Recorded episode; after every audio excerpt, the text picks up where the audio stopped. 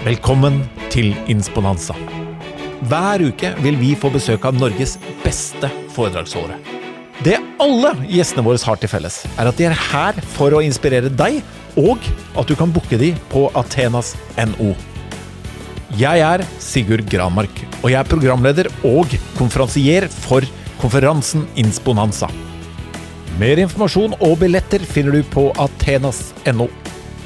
Velkommen til Insponanza. Da Hanne Røslien, som er eh, dagens gjest, kom inn her, så kom hun som et fyrverkeri. Hun var glad for å se folk, og på fire minutter så hadde hun presisert at hun ikke pleide å nevne doktorgraden sin, men hun hadde kalt seg doktor fire ganger.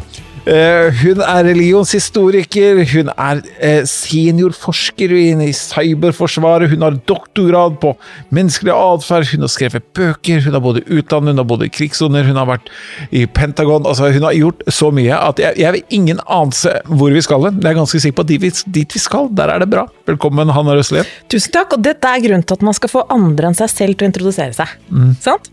Dette hørtes så flott ut. Gjorde det ikke? Ja, veldig fint. Men jeg, altså, det, du, du har jo fortsatt, jeg lener meg godt tilbake. Bare.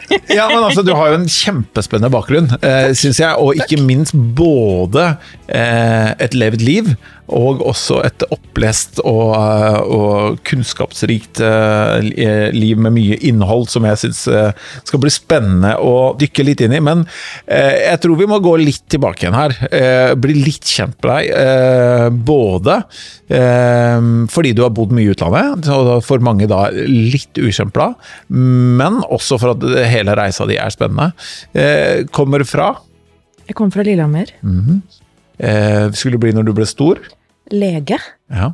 Du var på Lillehammer, du finner ut etter hvert eh, jeg vet ikke om du fant ut at det var sånn du skulle bli lege, men når du hadde levd noen år, så fant du ut at, du skulle, at verden var større enn Lillehammer. Så bare på den lille samtalen vi har hatt før du kom inn der, så har jeg blitt informert om da du var 18 år, så dro du til Midtøsten alene med en Eller jeg vet ikke om du var alene, men du sa det med en enveisbillett, i hvert fall. Mm. Fortell. Jeg er jo en uh, Midtøsten-generasjon. Altså, svaret på akkurat det der er jo at uh, jeg gikk ut av uh, videregående i 1994. Det, jeg er jo den representerer jo nå, da, en generasjon, det er jo lenge siden det kanskje, men hvor vi trodde at det skulle bli fred i Midtøsten. Eh, det var jo sant, akkurat vært Oslo-avtaler og sånne ting. Så var jeg en sånn, en sånn typisk sånn Å, jeg skal kanskje gjøre noe godt for verden. Nå her nede skal det bli fred, dette skal jeg være med på. Eh, men så, så var det jo også en sånn eh, utrolig frihetsbehov. Jeg tror mange av oss kan kjenne oss i det, i hvert fall jeg har alltid hatt det, det at liksom jeg har alltid både hatt en følelse av at verden, det er mer som skjer der ute enn å være her. Mm. Og det tror jeg er veldig sterkt når man er tenåring. Og ja, som sagt, denne Oslo-avtalen, var mange ting som hadde skjedd, sånn at jeg ville ned og se hva det var. Men så endte jeg opp der også fordi at det, som, dette er jo ganske vanlig, det kommer til et sted som du har hørt masse om, og så er det bare ikke sånn som du trodde. Jeg ble veldig overrasket over den verden jeg møtte der, og jeg fant på en måte ikke forklaringen verken i pressen, i, i, bøkene, jeg måtte finne ut av det selv, og så ble jeg, ble jeg bare sugd inn i det, sånn at jeg kom meg på en måte aldri hjem igjen, da. Derfor jeg endte opp med å bli der. I 20 år?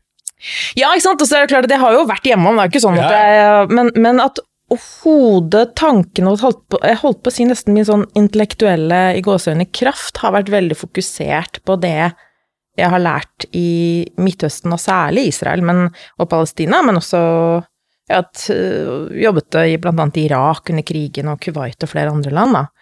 Men når man først liksom kommer inn i et samfunn, og så får du liksom trigga en nysgjerrighet som appellerer til noe som er sånn grunnleggende i deg, så er det er nesten vanskelig å, å dra hjem sånn med hele seg, da.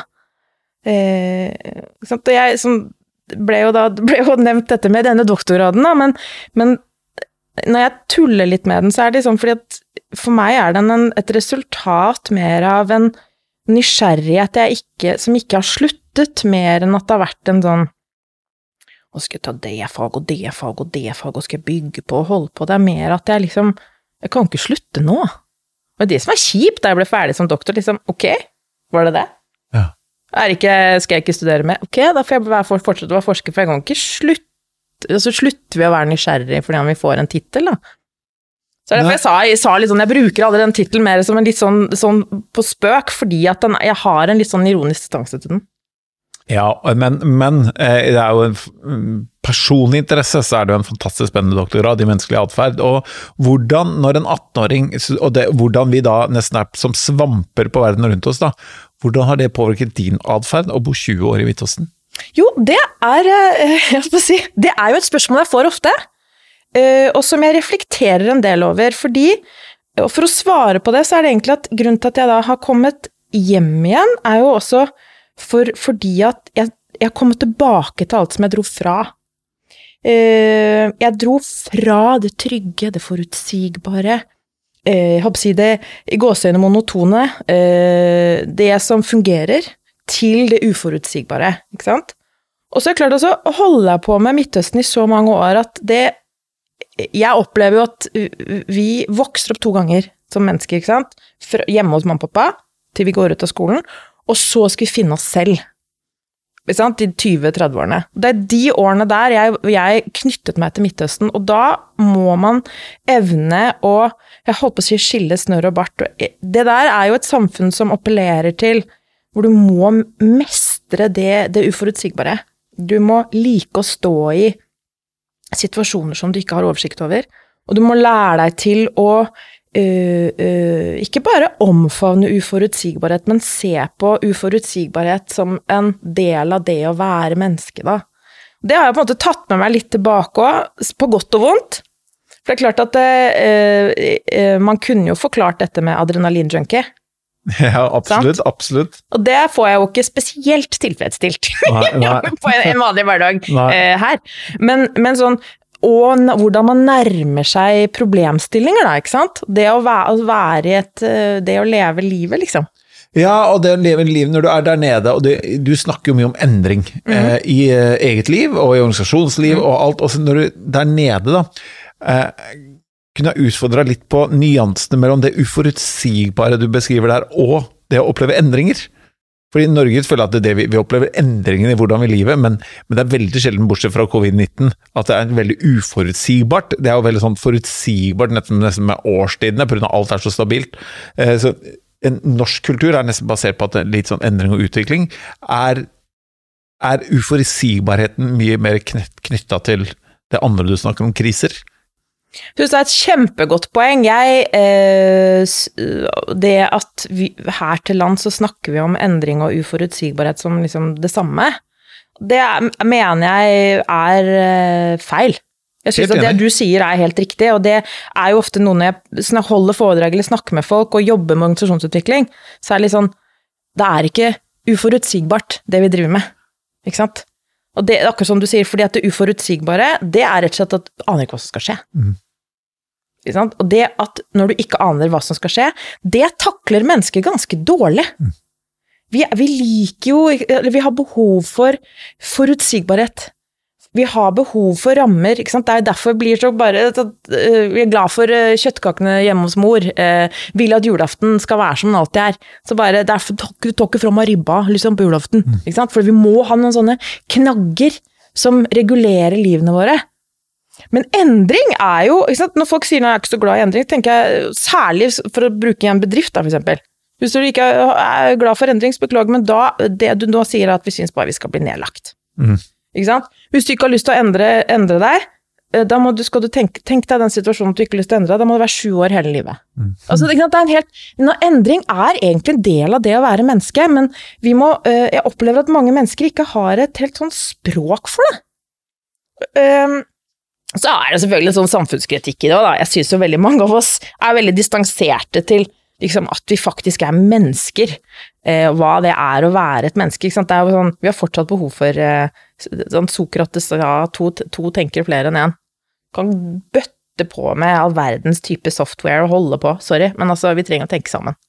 Det er litt sånn det grunnleggende i oss, det må faktisk ta oss tid, fortsatt.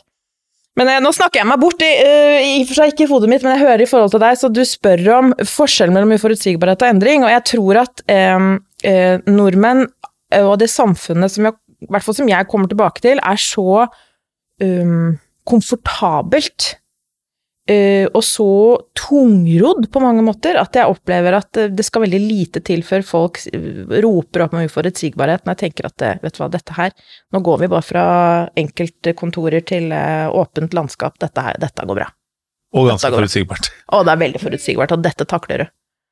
Hvordan er det, og når du da kommer ned til, og det var litt uforutsigbart det du kom ned til, da. Eh, hva, hva eh, Hvis du tar den første fasen, da. Det, Oi, her, dette var ikke helt sånn som jeg hadde tenkt, skal ikke vi redde verden her? Og, og eh, kanskje man blir litt liten av, og ser at det, veien til å endre dette er litt større enn man trodde.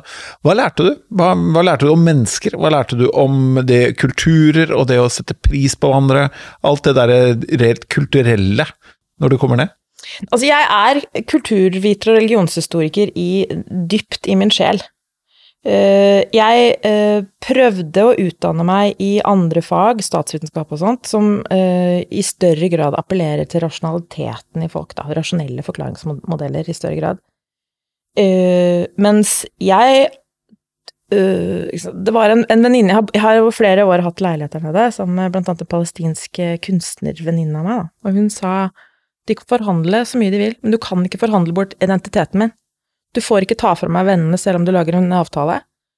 Og de enkle setningene der, tenker jeg det eh, hva, gjorde for meg at jeg ble litt sånn, jeg håper å si sånn overbevist kulturviter, da. Eh, fordi at vi mennesker er så avhengig av de menneskelige relasjonene våre, av følelsene våre, av eh, det å finne mening i tilværelsen vår, som er, være, som, sant, er mye sterkere eh, enn alle typer strategiske føringer. Det er dette veldig velkjente sitatet, ikke sant, at eh, kultur spiser strategi til frokost, ja, som alle som driver med organisasjonsutvikling kan. Eh, det er jo fint nok, det, men, men hvis man graver litt i det, da, hva, hva betyr dette med at kultur er så sterkt, ikke sant? Og blant de tingene som fanget meg mest da jeg kom ned dit, eh, var jo både eh, hvor betyd... Hvor sterkt det som er Altså hvor langt vi er villige til å gå når vi finner noe eh, Holder fast i noe som er meningsfullt for oss. Noe å kjempe for? Ja, ikke sant. Det er helt ekstremt hvor langt man vil gå. Eh, det, det var det ene. Og det andre er jo også hvor tilpasningsdyktige vi vi er over tid. Hvor, en, hvor store endringer vi er villige til å gjøre. Eh, jeg skrev i sin tid et hovedfag om de radikale bosetterne i de okkuperte områdene. De har brukt mye tid hos.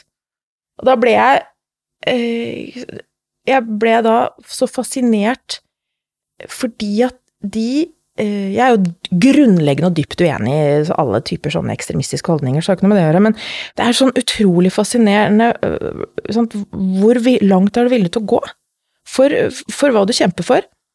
Man kan jo ta de nære eksemplene, som er sånn at hvis du har øh, Hvis alt er svart og grått og du er deprimert, så vil det å miste en kulepenn på gulvet være bare sånn 'Å, nei, sant, nå faller den ned igjen, jeg mister brødskiva med syltetøy ned, og det er bare helt krise'. Men hvis du finner mening i det, så vil du jo nesten tåle å ofre barna dine. Sant? Og det var det som var med disse jødiske ekstremistiske gruppene, hvordan mødre sitter der med syv-åtte barn og lever i, i, sant, i sånne altså, campingvogner, i skuddsituasjoner, ikke sant, det er militarisert, det er uten kloakk og vann, og det er rotter overalt, og, og, og det er bare et sånt drittsted. Og så sier de til meg, dette er det viktigste jeg kan gi barna mine så kan jeg være uenig i den politiske føringen i det. Eh, men hvis du ikke finner det meningsfullt, så holder du ut et kvarter, ikke sant.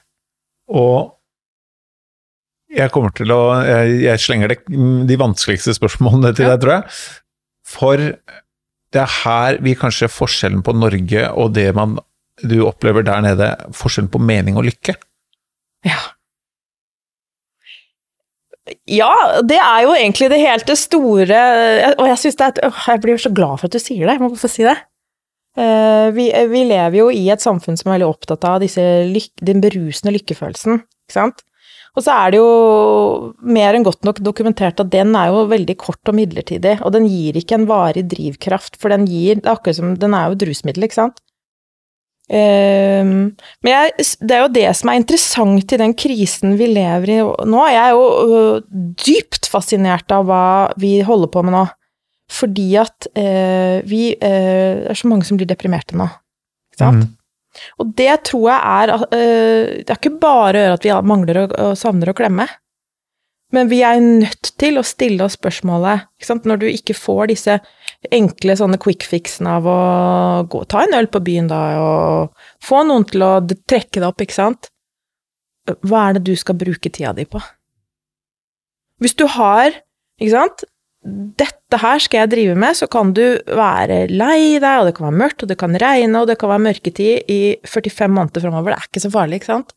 Fordi at du har motoren i deg, da. Men det er klart at covid-19-pandemien sånn sett nå kler jo av oss.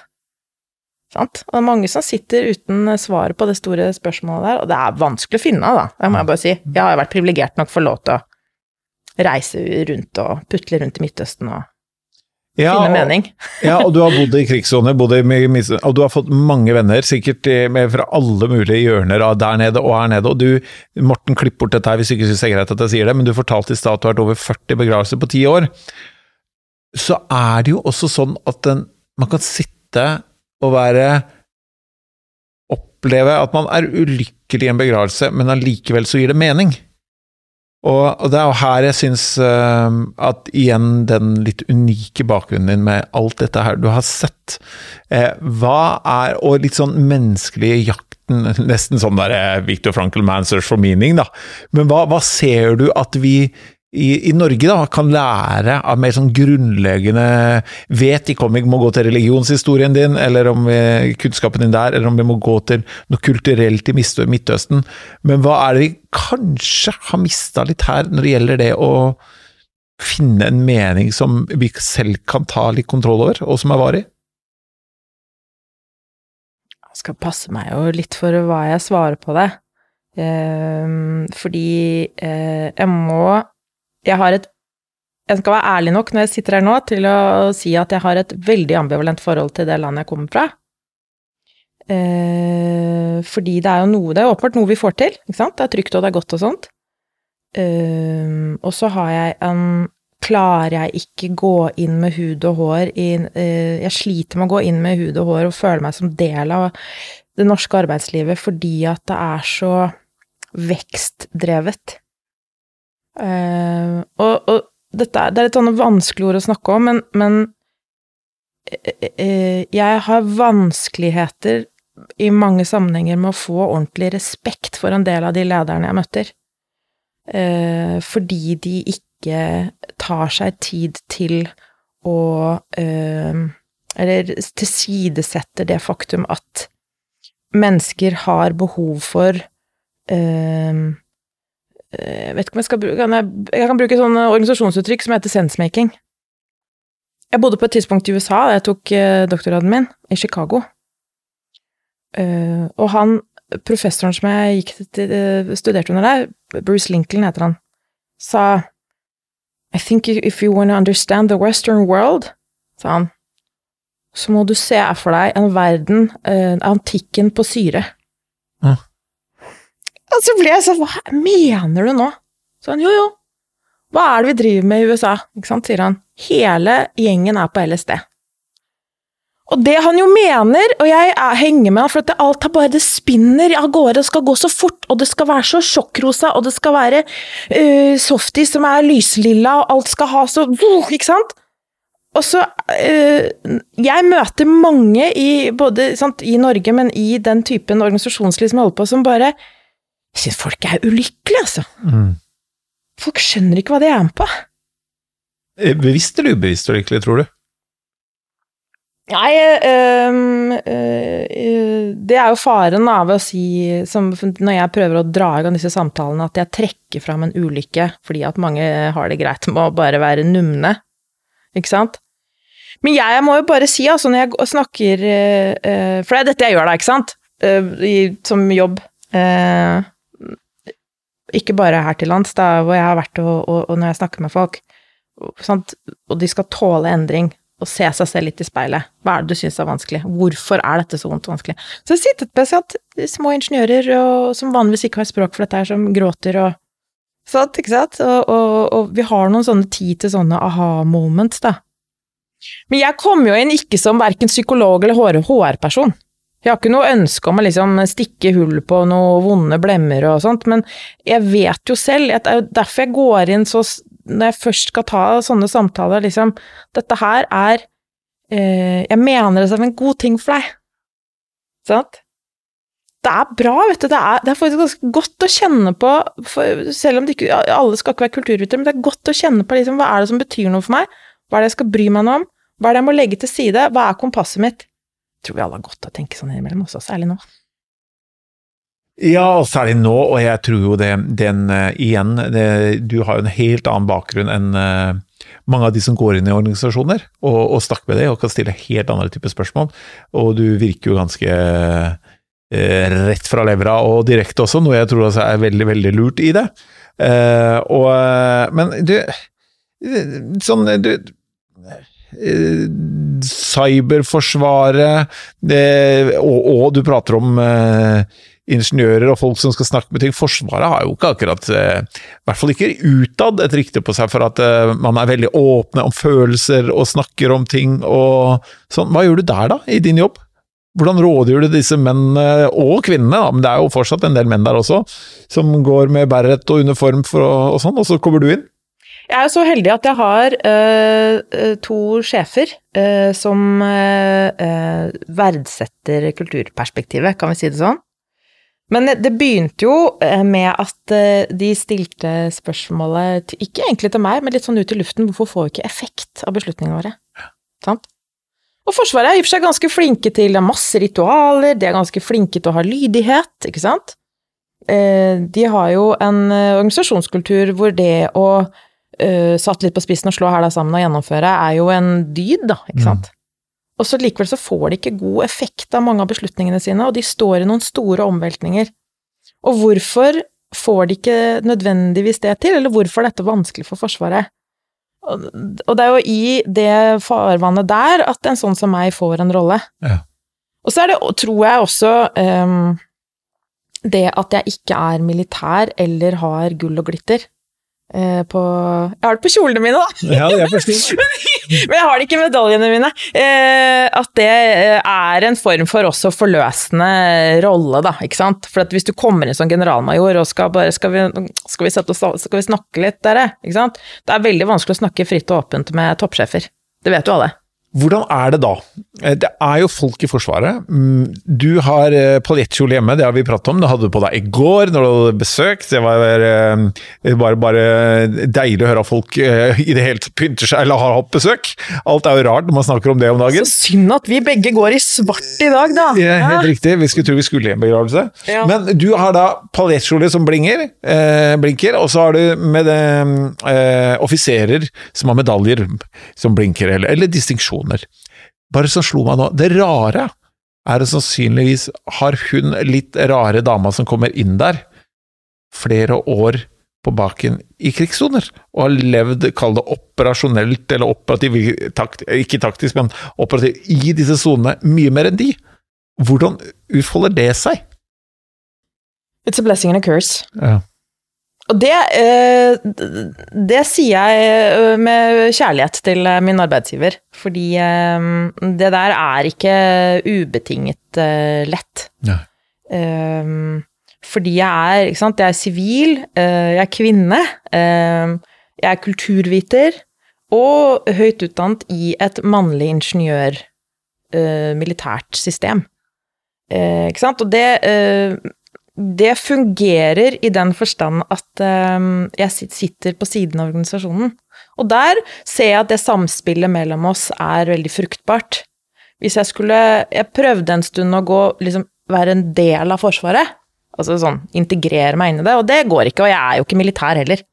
Og da tenker jeg nå, det fungerer ikke helt, for det er to forskjellige Apropos, ikke sant, kulturer som krasjer litt jeg er ikke noe Jeg er verken militær eller sånt, jeg, Og jeg har altfor mye sånn rebell i meg òg, da. Ja. Til at jeg er med på det systemet. Sånt, det, da, men når man liksom trekker det litt ut, og bidrar til å eh, Hva kan jeg hjelpe dere med for at dere skal bli bedre?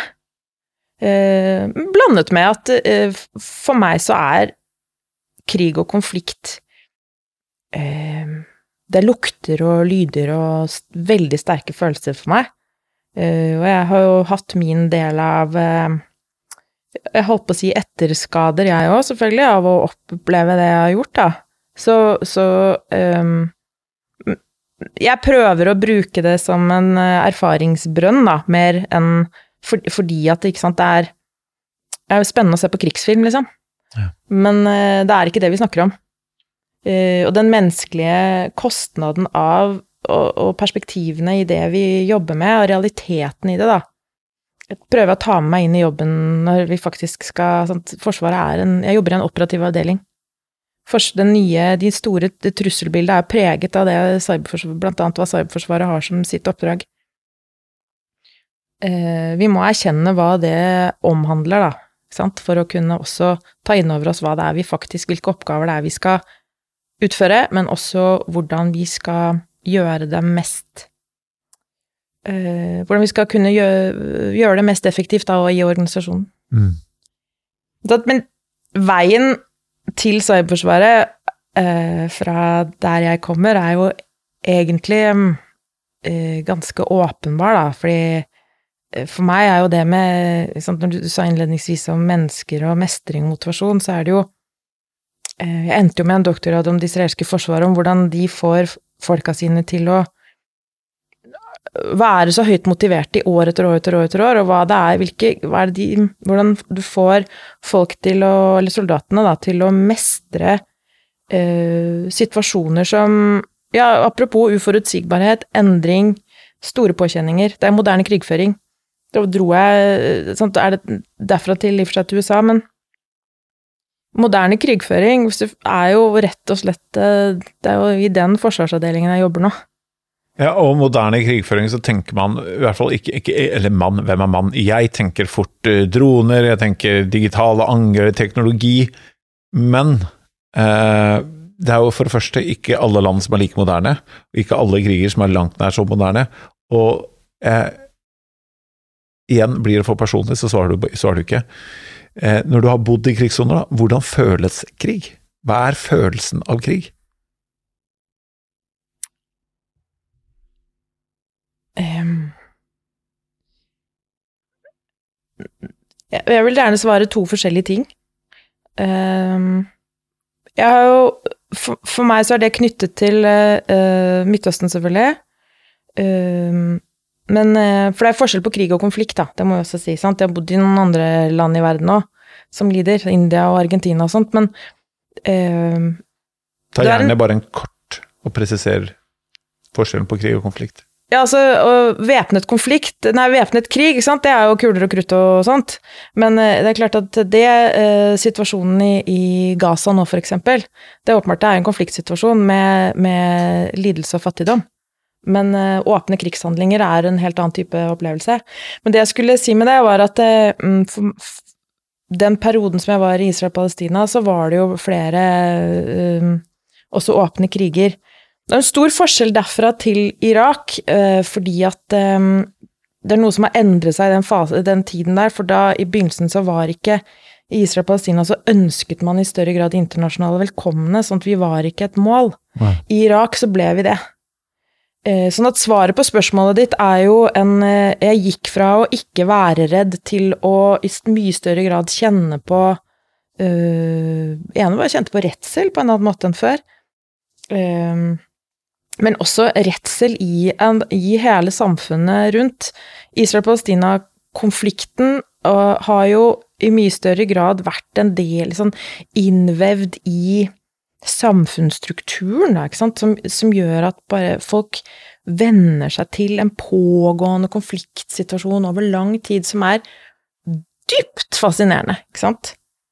Hvordan grenser for hva du tåler, flyttes, som jeg kjenner på, som folk rundt meg kjenner på. ikke sant? At vi ser at bare Å, øh, er det trefninger i gata? Ja, vet du, da bare, da bare går jeg rundt. Mm. Da tar jeg, tar jeg, ikke den kafeen, jeg går fem meter lenger ned. Ikke sant? Jeg ville aldri gjort det i, Norge. Eh, For da, hvis, det er, hvis, det er, bomber i Oslo, så går vi jo ikke ned i sentrum. Men Irak er jo eh, da var det jo mye høyere dødsfall. Vi var mye mer eh, målrettet De rett... Ja, vi var Hva skal vi si, da? Geværmunningene var i mye større grad rettet mot oss. Og det endte jo med at FN-kontoret der jeg jobbet, da ble jo bombet. Um, da var jeg borte den uken, da. Da døde jo 22 mennesker samme dag, og det er klart at det er jo sånne skjellsettende ting som jeg jo aldri eh, Det er ingen av oss tror jeg som blir helt den vi var igjen etter det. Um, fordi at da må man liksom, Jeg kan beskrive det på en annen måte enn å prøve å forklare det. Liksom, du kan se for deg selv når du tar mobiltelefonen, så begynner du å slette navn. Mm. Det er altså så Og, og det selv om det bare er en mobiltelefon og navn, så er det liksom Når du sletter den, så bare vet du For det, det er aldri noen som kommer til å svare på det telefonnummeret igjen, ikke sant? Um, og det uh, skal Når lista over de navnene du skal ta bort, begynner å bli lang, så er det klart at det uh, Da må man um, Det tok et par år for meg, og så var jeg ute av arbeidslivet et uh, halvt års tid. Ja. For å, fordi jeg, dette ble stort for meg, da, sant? også fordi jeg bare gikk videre, ikke sant. Flytta videre, dro videre, holdt på videre. Og så Dette her funker jo ikke. Sant? Hva er det jeg er med på nå? Hvorfor gjør jeg dette her? Så om å ha tid til å bare komme på plass som menneske, da, betyr ikke eh, Akkurat Jeg sier det litt sånn for, for ganske sånn eksplisitt på at jeg, var, at jeg falt ut litt der, fordi jeg ser på det selv som en utrolig viktig prosess, og ikke som et nederlag, at jeg brukte seks-sju måneder der på å puste litt. Mm. Jeg tenker ofte at, ehm, at gå tilbake til det svaret ditt før også, hva er det jeg har tatt med meg fra Midtøsten, så er det jo det å bare Vet du hva, jeg må, jeg må finne kompasset mitt her. Jeg kommer ekstremt mye sterkere tilbake av det, ikke sant, mm. enn hvis jeg ikke hadde gjort det, da. Ja, og det er jo rart hvordan livet har en tendens til å ha en forsinkelse, da. Mm. Eh, på, på så, sånne ting på godt og vondt. Mm. Og når du eh, Hvor lang tid Språk, hvor lang tid tok det før du begynte å Ikke si drømme på vet ikke, arabisk Hvilke språk er det du lærte av der nede? Du, jeg har endt opp med Og jeg har jo holdt med de israelerne, så det er hebraisk jeg gikk inn i.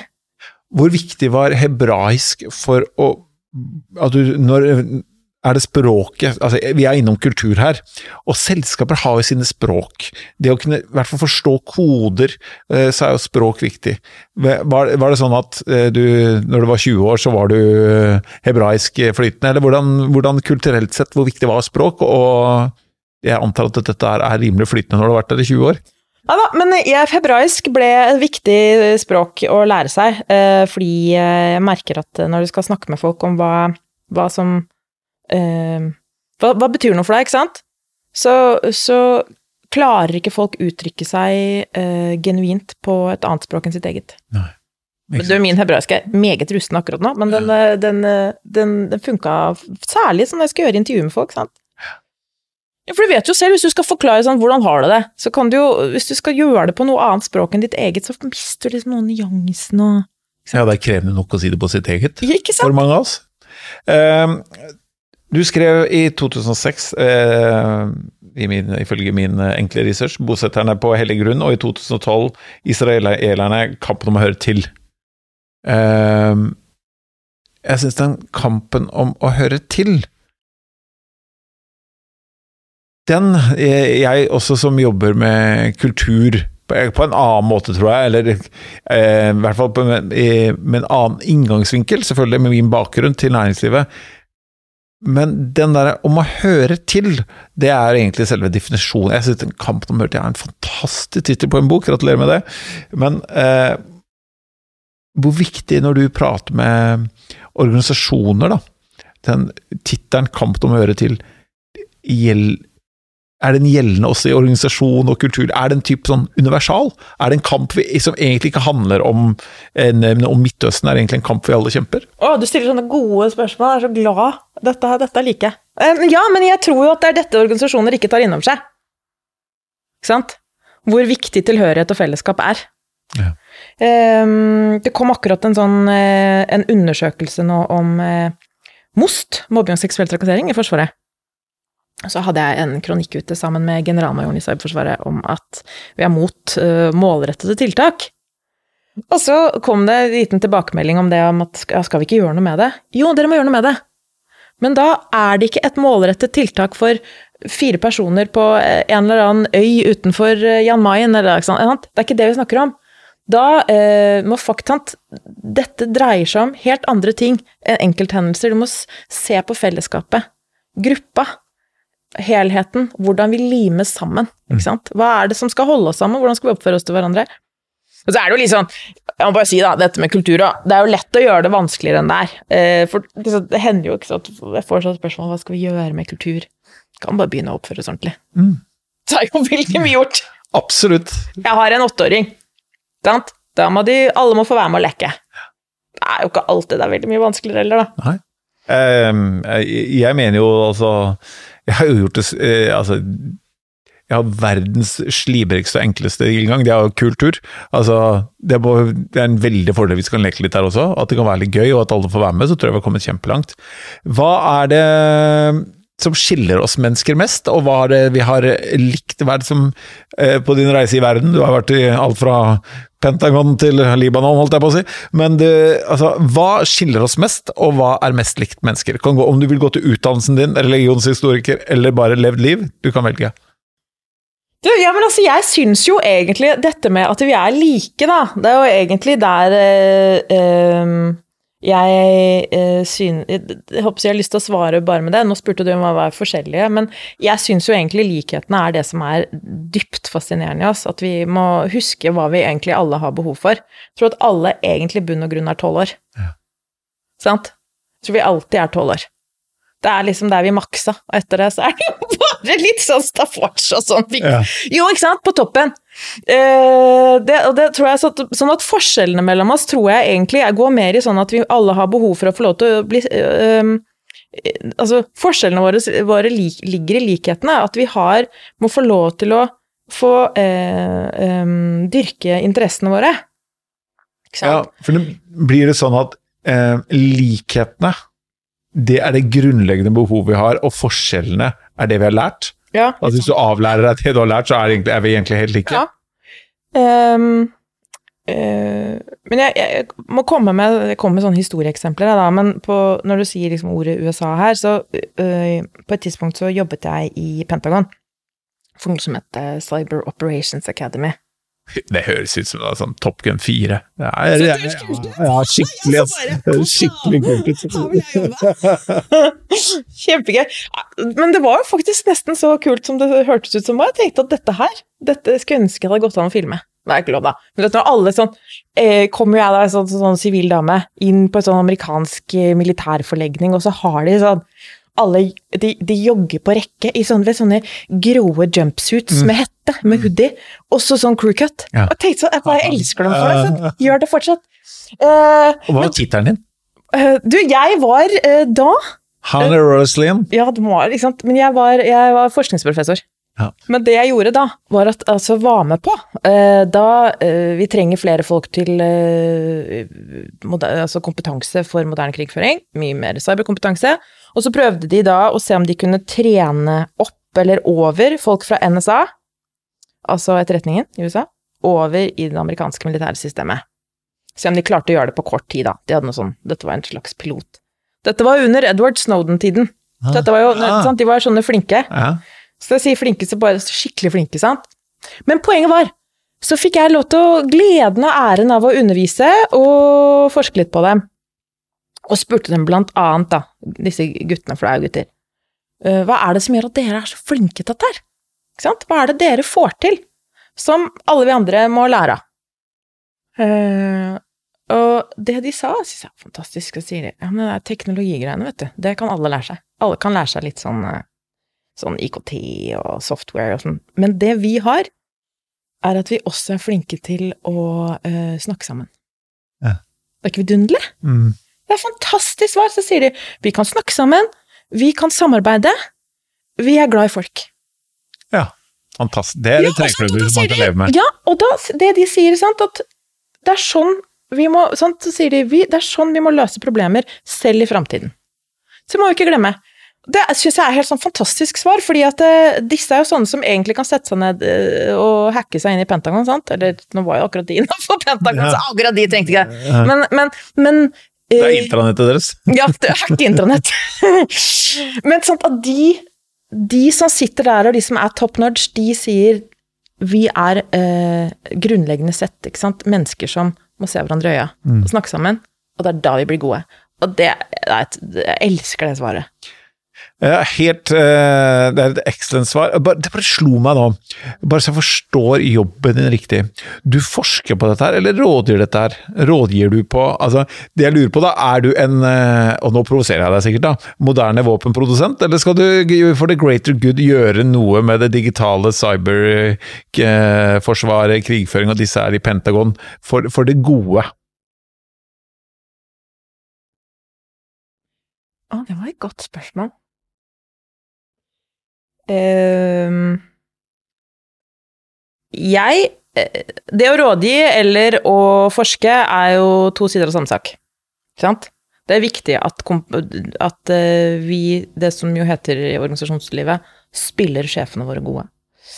Uh, og i denne cybercocktailen så er det foreløpig ganske lite forskning på kulturfeltet, så vi trenger mer. Mm. Det jeg har gjort så langt, er jo å eh, forske på det vi kaller det human factory cyber. Hva er Hvor spiller det å være menneske inn i cyber, cyberkrigføring, cyberutvikling, teknologiutviklingen? Og også hvordan, hva dette har å si for organisasjonskulturen.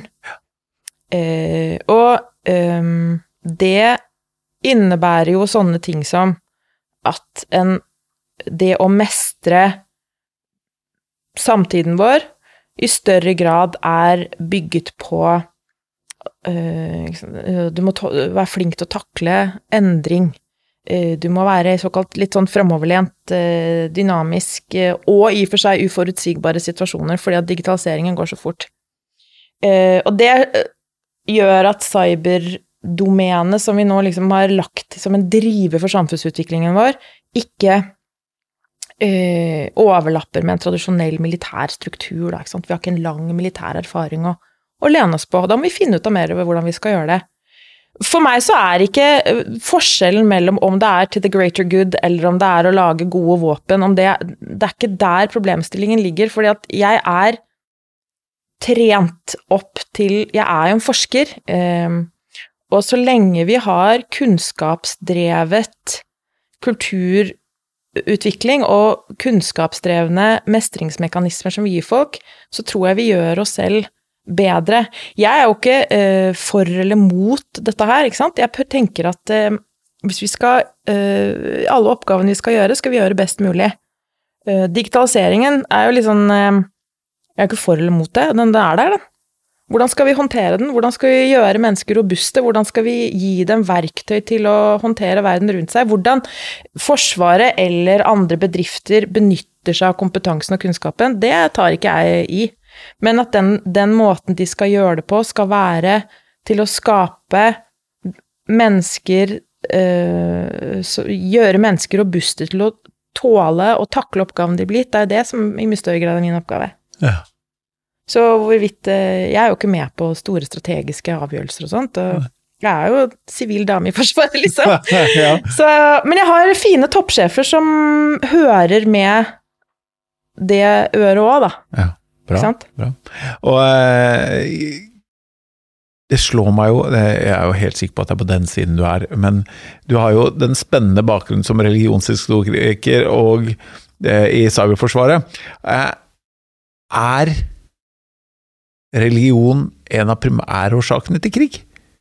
Er det sånn at de to utdannelsene har på en måte eh, eh, på en finurlig måte knytta sammen? Ja, i hvert fall ikke, ikke hvis man ser på religion som Gud, men hvis man ser på religion som det som er meningsfullt for folk, så definitivt.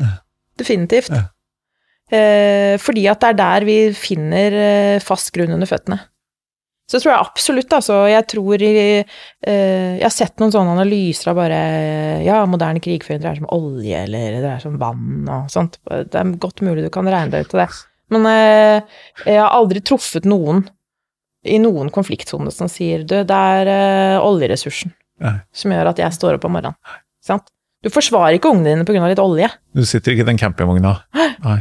Nei, du gjør ikke det, altså. Og det er den sånn, Jeg gikk jo fra ehm, disse radikale bosetterne til å forske på soldatene, fordi at det holdt på å si fra de ekstreme til i gåseøyne vanlige folk som gjør um, verneplikt.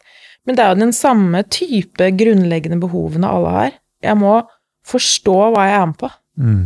Når jeg forstår hva jeg er med på, og jeg faktisk klarer å koble det store prosjektet med hva jeg selv står for, da blir vi mennesker utrolig sterke. Den der kraften der, den bare klarer jeg ikke slippe sånn faglig interesse. Den er, Da blir vi mennesker helt uovervinnelige, altså. Em, jeg så Justice League på HBO, og det tar jo fire timer, ikke sant? Og hva vi er, da, sånn vi har sånne superkrefter. tenker jeg at dette her Vi har det i oss alle sammen. Men det er når man finner det derre the high purpose, og at det matcher med hvem du ser deg selv for å være, så er vi alle superwoman, altså. Jeg syns det er helt fantastisk. Og hvis folk skal øh, Noe jeg absolutt syns vi skal gjøre, da. Jeg syns dette har vært et kjempespennende møte. Jeg synes Du har utrolig mye gode tanker. Eh, ja, jeg må bare passe på tiden vår. Eh, Jeg håper vi skal gjøre dette her igjen, for jeg har uendelige uendelig med spørsmål jeg kan stille deg. Men det, det der, det, og den kraften vi kan skape, da, når de får den forståelse, som du sier Hvis folk skal gå på athenas.no, legger inn Hanna Røslien Det er jo ikke den tekst der som jeg, kan, som jeg mener som uh, kan gjøre eller yte deg rettferdighet, for du har gjort for mye. Hva vil du aller helst at folk booker foredrag eh, med deg om når du skal besøke et selskap? Hvis de vil ha, Det er to ting. Det ene er at du faktisk vil ha effekt av beslutningene dine, men også at du vil ha en, eh, et fellesskap som, hvor, hver og en, hvor hver og en yter sitt beste. Mm. Eh, Der det ligger det, altså. Ehm, hvis du vil at Hanna Røiselien skal eh, komme på besøk og snakke om hvordan de skal yte til fellesskapets beste og få ut mest mulig og maks mulig av hver enkelt medarbeider, og ikke minst rett og slett bare det som du sier, ha det litt gøy sammen, da. Møtes og, og eh, hun kan snakke til eh, den mentale alderen de har på tolv år, og hun kan få de Jeg er ganske sikker på at du kan både få sparka det litt på legen og få de til å ville yte enda mer. Ehm, Siste spørsmålet jeg har stilt til alle, er det noe når du kom hit i stad eh, Så var det sånn Jeg håper han derre Sigurd spør meg om det, eller snakker om det. Er det noe jeg burde spurt om som jeg ikke har spurt om? Dessverre så må jeg si at jeg skulle bare ønske at vi kunne snakke litt mer. Mm. Fordi at det, akkurat Det er så lett at ting som har med sånn mening og menneske At det, eh, det går litt sånn Vi tar, tar det bare i overflaten, men hva det faktisk betyr for hver av oss, hva vi faktisk mener med det, kan vi ikke bare fortsette? Jo, eh, vi, vi, vi skal nok ikke fortsette nå, for nå er vi på 50 minutter. Og jeg, eh, jeg, jeg tror at da eh, Jeg vil heller at det skal være en litt sånn cliffhanger. At jeg, jeg, skal si at du skal bli invitert igjen, og da skal vi spille av i starten, etter jeg introduserte akkurat det du sa at kan vi ikke bare fortsette? Og så fortsetter vi da. Hanne Røselien finner du på athenas.no. Vær så snill å bare gå inn og book. Dette var for meg har vært et fantastisk spennende møte. Du er utrolig dyktig, og tusen takk for at du kom med Innspanasa. Så hyggelig. Hver uke vil vi få besøk av Norges beste foredragsholdere. Det alle gjestene våre har til felles, er at de er her for å inspirere deg, og at du kan booke de på athenas.no.